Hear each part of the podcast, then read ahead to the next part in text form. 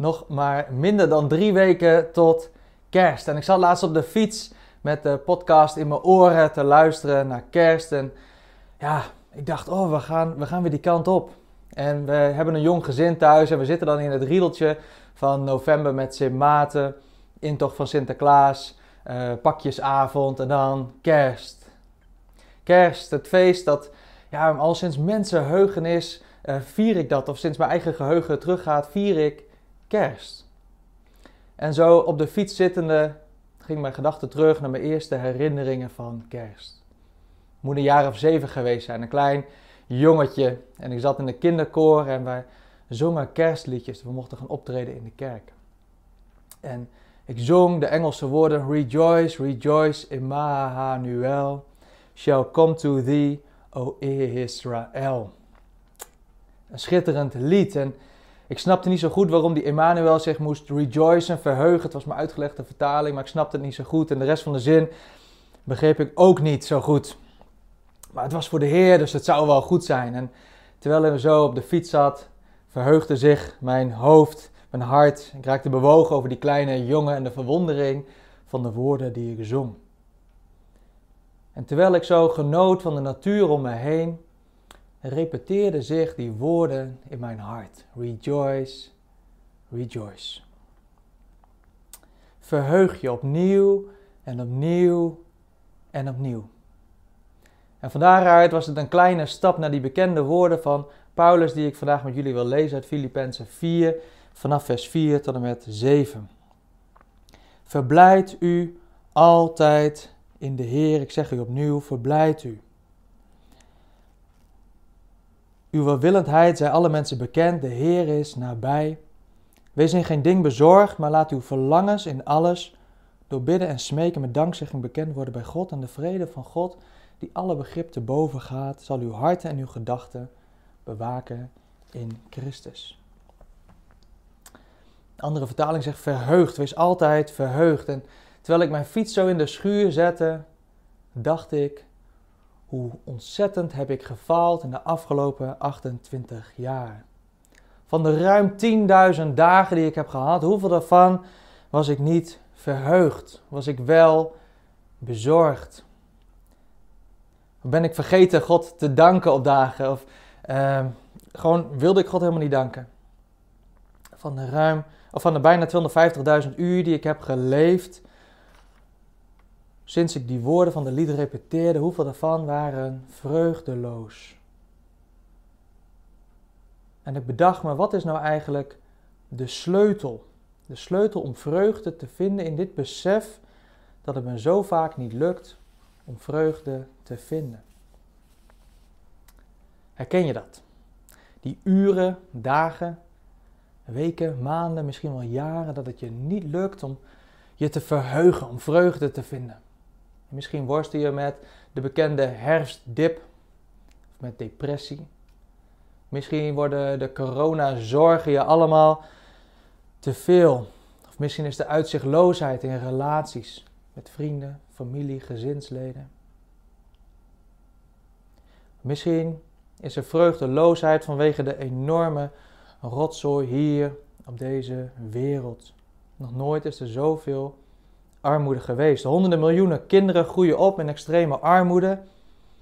3,5 miljard mensen op deze wereld kunnen niet fatsoenlijk voorzien in woning, kleding en voedsel. Ze moeten keuzes maken die je niet wil maken.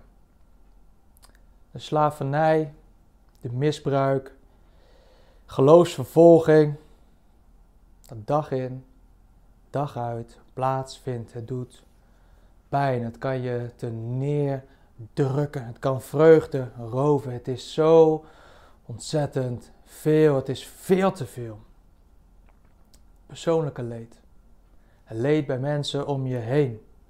Het wereldwijde leed, de pijn die we moeten dragen en de wonden die we elkaar aandoen. Het kan ervoor zorgen dat je neergeslagen wordt. Dit kan toch nooit de bedoeling zijn geweest, Heer. Toen u het paradijs maakte, wat hebben wij, wat heb ik er een zooi van gemaakt met mijn keuzes? Rejoice. Rejoice. Verheug je. Laat de Heer uw vreugde blijven. Wees altijd verheugd, zegt Paulus. Deze Paulus die ja, zijn rug vol met littekens had van de stokslagen, van de zweepslagen, van de stenigingen. Hij had het allemaal, persoonlijk leed. Leed van mensen om hem heen van wie hij hield. Hij zag ook het leed in de wereld. En toch schrijft hij deze woorden. Wees altijd verheugd. Wees niet bezorgd. Dank God altijd. Wat Paulus eigenlijk doet, is dat hij de woorden van Jesaja 9 samenvat. Jesaja 9, het zijn de bekende woorden rondom kerst en ik wil een aantal versen met jullie delen. Er staat, het volk dat in duisternis ronddolt ziet een schitterend licht. Zij die in het donker wonen, worden door een helder licht beschenen. U hebt het volk weer groot gemaakt, diepe vreugde gaf u het. Blijdschap als de vreugde bij de oogst, zij jubelen als bij het verdelen van de buit. Het juk dat op hen drukte, de stok op hun schouder, de zweep van de drijven. U hebt ze verbrijzeld zoals Midjan destijds. Iedere laars die dreunend stampte en elke mantel waar bloed aan kleeft, ze worden verbrand. Een prooi van het vuur. Een kind is ons geboren. Een zoon is ons gegeven. De heerschappij rust op zijn schouders en deze namen zal hij dragen. Wonderbare raadsman, goddelijke held, eeuwige vader, vredevorst. Groot is zijn heerschappij. Aan de vrede zal geen einde komen. Davids troon en rijk zijn erop gebouwd. Zij staan vast in recht en gerechtigheid, van nu tot in eeuwigheid. Daarvoor zal hij zich beijveren, de Heer van de hemelse machten. Verheug je opnieuw en opnieuw en opnieuw, want God is met ons. Immanuel komt naar je toe, Israël. En de vertaling van dat lied, dat repeteerde zich in mijn hoofd. Die aloude belofte, die profetie van Jesaja is waarheid geworden door de geboorte van Jezus. Onze verlosser is gekomen. Hij is het die recht en gerechtigheid zal brengen. Hij is het die genoemd wordt wonderbare raadsman, goddelijke held, eeuwige vader, vredevorst. En het goede nieuws is dat wij niet hoeven te wachten tot wanneer Jezus terugkomt, dat alles vervolmaakt zal worden. Nee, we mogen nu al in die belofte gaan staan. We mogen nu al dat koninkrijk bekend gaan maken. We mogen nu al dat koninkrijk gaan uitleven, want Jezus is al gekomen. Hij is de reden waarom we vreugdevol kunnen zijn met kerst en alle dagen daarvoor en alle dagen erna. Het is de reden, Hij is de reden waarom we onbezorgd kunnen zijn. Want wij leggen onze zorgen op Zijn sterke schouders, de schouders van Koning Jezus. Dank u wel, Jezus, voor uw komst naar de aarde. Wij verheugen ons opnieuw en opnieuw in u. U bent de overwinnaar, ook over onze zorgen, over onze problemen, over onze tekortkomingen. U bent aan ons gegeven, zodat wij vol vreugde, onbezorgd en met innerlijke vrede vervuld u kunnen danken. Laat dat onze getuigenis zijn, deze bijzondere maand naar de mensen om ons heen. Verheug je opnieuw en opnieuw. Rejoice, rejoice.